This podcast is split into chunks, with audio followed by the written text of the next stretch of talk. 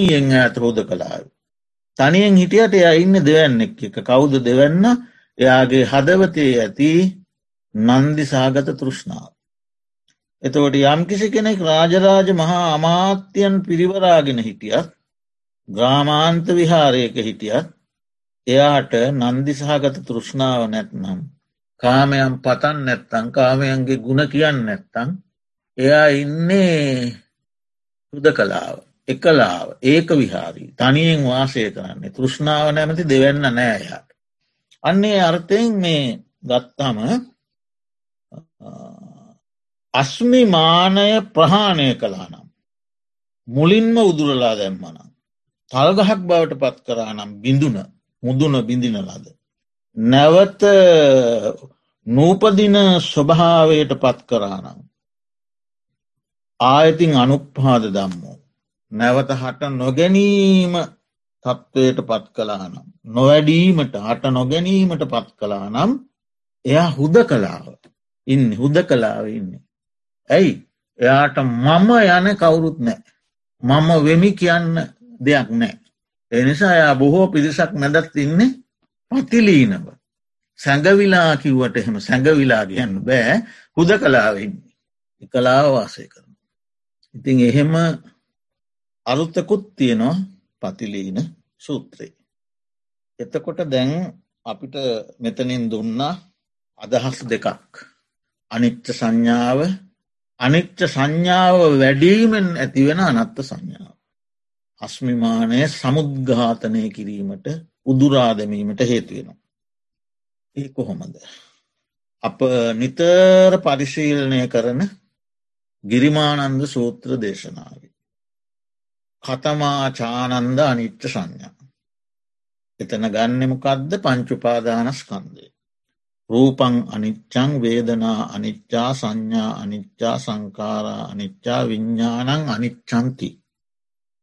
ඉතිමේසු පංචසුපාදානක් කන්දේසු අනිච්චානු පස්සී වියදති. රූපය වේදනාව සංඥාව සංස්කාර විඤ්ඥාන. අනිත්‍ය වසයෙන් බැලීම අනිච්චානු පස්සනාවයි.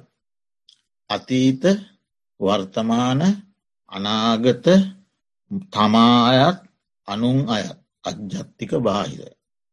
ඕලාරික සුකුම හීන පනීත දූරයේ සන්තික. ඒසිය යම් රූපයක් වේද මේ දැන් පවතින පමණක් නොවේ දැම් පැවතීමේදී අනිත්‍යතාව දැකීම වඩාම හොඳ ඒ දැකීම තුළින් නිගමනය කරනවා අනිත්‍යේවා. අතීත අනාගත දුර ළඟ ඒ ආදී වශයෙන්. එතකොට අන්නේ විදියට අනිත්‍යතාවය වඩනවා රූපය පිළිබඳව. එමෙන්ම වේදනාව පිළිබඳ. යම් සැපවේදනාවක් විඳින්නේද යම් දුක්වේදනාවක් විඳින්නේද යම් අදුක්කම සුකවේදනාවක් විඳින්නේ දේ සියල්ල අනිත්‍ය වශයෙන් බලන.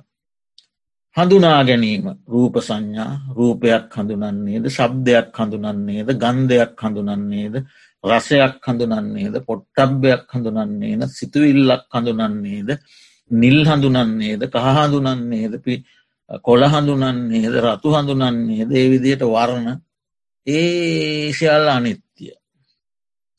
චේතනා රූප සංචේතනා සද්ධ සංචේතනා ගන්ධ සංචේතනා රස සංචේතනා පොට්ටබ්බ සංචේතනා ධම්ම සංචේතනාදී වශයෙන් රූපය පිළිබඳ හැඳිනීම් සබ්දය පිළිබඳ හැඳිනීම් ගන්ධය පිළිබඳ හැඳිනීම් රසය පිළිබඳ හැඳිනීම් ඒ විදිහට ඒ හය ආකාර සංඥාවන් පිළිබඳ. ඊළඟට සංකාරයේ සුචේතන රූප සංචේතනා සද්ධ සංචේතනා ඒ අරමුණු නිසා හටගන්නා වූ චේතනාවන් ඒවාත් අනිත්‍යය වසයෙන් බලනවා. ඊළඟට විඤ්ඥානය අරමුණු දැනීම් චක්කු විඤ්ඥානාදී විඤ්ඥාන හය. ඒ සියල්ලම අතීත වර්තමාන අනාගත ඕලාරික සුකුමාදී එකොළොස්සාකාරයකට එතකොට එකොළොස්වරක් පහ එතන පනස් පහ. ඉතින් මේක තව බෙද බෙදා බෙද බෙදා බලනකොට බොහෝ මහා ධර්ම ධර්ම ගංගාවක් නැත්තන් ධර්ම සාගරයක් විශාල ධර්ම ප්‍රමාණයක් මේ තුළ තියෙන. තින් ඒවා අනිත්‍ය වශයෙන් බලනවා. ඒ ගිරිමානන්ද සූත්‍රය හනු. ඊළඟට සබ්බේ සංකාරා අනිච්ඡාති. එතනදී ත්‍රයිභූමික ධර්ම කාම රූප අරූප තුන් ලොවට අයත්. ත්‍රිවිධ භූමියට අයත්. අතීත වර්තමාන අනාගත කාලත්‍රයට යටත්. ඒසිියල්ල ඒ ත්‍රයිභූමික ධර්ම අනිත්‍ය වශයෙන් බලන. කාම භූමි රූපභූමි අරූපභූමි. අනිච්චාවත සංකාරා සියලූම සංස්කාර ධර්මයන් අනිත්‍යයෝය යන්නෙහිද කාමරූපාරූප ත්‍රයි භූමික ධර්ම. අනිත්‍ය වශයෙන් බලනවා අනිත්‍ය සංඥාව දියුණු කරනවා. ඒ එතන විස්තරය. ඊළඟට ඔක්කන්තික සංයුක්තයි. අනිච්ච සංඥාව දහ ආකාරයකට දක්වුණු ආකාර දහයකට බෙදා දක්වුණු ඇස කන නාසය දිව කය මනස ඉන්ද්‍රිය හය අනිත්‍ය වශයෙන් බලනු. ඊළඟට රූප සබ්ද ගන්ධ රස ස්පර්ස සිතුවිලි. අරමුණු හය අනිත්‍ය වශයෙන් බලනවා. එපමණක් නොවේ. චක්කු විඤ්ඥාන සෝත විඤ්ඥාන ගානවිඤ්ඥාන ජීවා විඤ්ඥාන කායවිඤ්ඥාන මනෝවිඤ්ඥානයන විඤ්ඥාන හයත් ඒ සංඥාවට යටත් කොට බලනවා. ඊළඟට චක්කු සම්පස්ස සෝත සම්පස්ස ගාන සම්පස්ස ජීවා සම්පස්ස කාය සම්පස්ස මනෝ සම්පස්ස. ඒ ස්පර්ශහයත් අනිච්ච සංඥාවට ගොුණු කොට බලනවා යොමු කොට බලනවා. යටත් කොට බලනවා. පස්ස.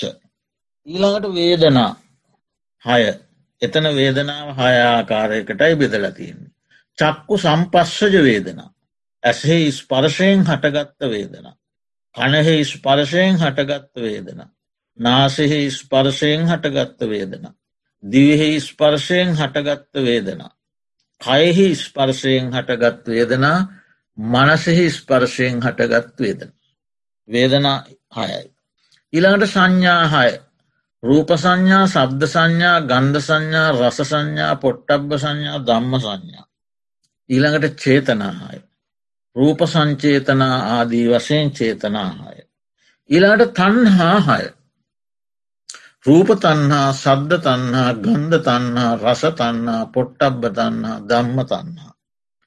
ඉන් පස්සෙ ධාතු හය පටවිධාතු ආපෝධාතු තේජෝධාතු වායෝධාතු ආකාශධාතු විඤ්ඥාන ධාතු. ඊළඟට ස්කන්ධ පහ. රූප වේදනා සංඥා සංකාර විඤ්ඥාන. එතවට කියද පනස් නමයයි. ඔය පනස් නමේ ඇතුළේ තව තව තව තව කොටස් බෙදී හැකි තැන් තිබෙනවා. විශේෂයෙන් ස්කන්ධ පහි. වේදනාහායි. චක්කු සම්පස්සජ සුකවේදනා. චක්කු සම්පස්සජ දුක්ක වේදනා. චක්කු සම්පත්සජ අදුක්කම සුකවේදනා. එහෙම බෙදන්න පුළුවන්. ස්කන්ධ පහෙත් බෙදන්න පුළුවන්.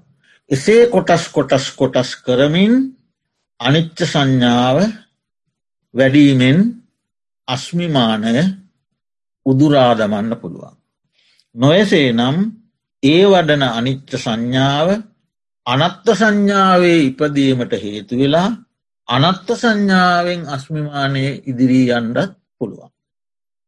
එමෙන්ම තවදුරටත් අනිච්ච සංඥාව පිළිබඳ විස්තරයක් එනවා සංයුක්ත නිකායේ සබ්බානිච්ච වක්ගයේ සබ්බ අනිච්ච වග්ග. එහි දැක්වෙනවා හතලිස් දෙහකට බෙදලා දැන් අපි පොඩ්ඩකට කලින් ගෙන ගත්ත පනස් නම ආකාරයක්. මෙහි ඊට වෙනස් ආකාරයකට අනිත්‍ය සංඥාව උගන්නනවා. ඒ කොහොමද යම්කිසි භික්ෂුවක් ඇස නැත්තං බුදුරජාණන් වහන්සේ දේශනා කරනවා ඇස අනිත්‍යයයි. රූපත් අනිත්‍යයයි. විඤ්ඥානයත් අනිත්‍යයයි. ඇස රූපය විඤ්ඥානය. ස්පර්ශයක් අනිත්‍යයයි. ඒ ස්පර්ශය නිසා හටගන්නාව සුකවේදනාවක් වේද එයත් අනිත්‍යයයි. දුක්වේදනාවක් වේද එයත් අනිත්‍යයයි. අදුක්කම සුකවේදනාවක් වේද එයත් අනිත්‍යයයි. එතවට කියද ඇස රූපය විඤ්ඥානය ස්පර්ශය සුකවේදනාව දුක්වේදනාව අදුක්කම සුක වේදනාව. එතකොට එතන තියෙනවා කරුණු හතක්. ඒ වගේම හතක් වෙනවා කන ශබ්දය විඤ්ඥානය ස්පර්ශය සුකවේදනාව දුක්වේදනාව අදුක්කම සුකවේදනාව. අන්න.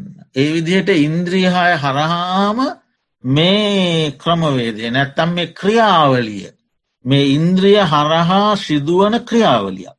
ඉන්ද්‍රිය හයයි අරමුණු හයයි විඤ්ඥානහයයි ස්පර්සහයයි සුකවේදනා හයයි දුක්වේදනා හයයි අදුක්කම සුකවේදනා හයයි. එතකොට හතලිස් දෙකයි. අන්නේ හතලිස් දෙකම අනිත්‍යය වශයෙන් බලනවා. එසේ බැලීමෙන් අස්මිමානය ඉදිරී යන. ගැලවී යනවා. ප්‍රහාණය වෙනවා. නැත්තං අනත් අනත්ත සංඥාවට එනවා. ඒ අනත්ත සංඥාවේදීත් මේ ක්‍රමවේදයමයි. ඇස මම නොවේ මගේ නොවේ මගේ ආත්මය නොවේ. නේතම් මම නේසෝ හමස්මි නමේසෝ අත්තාති.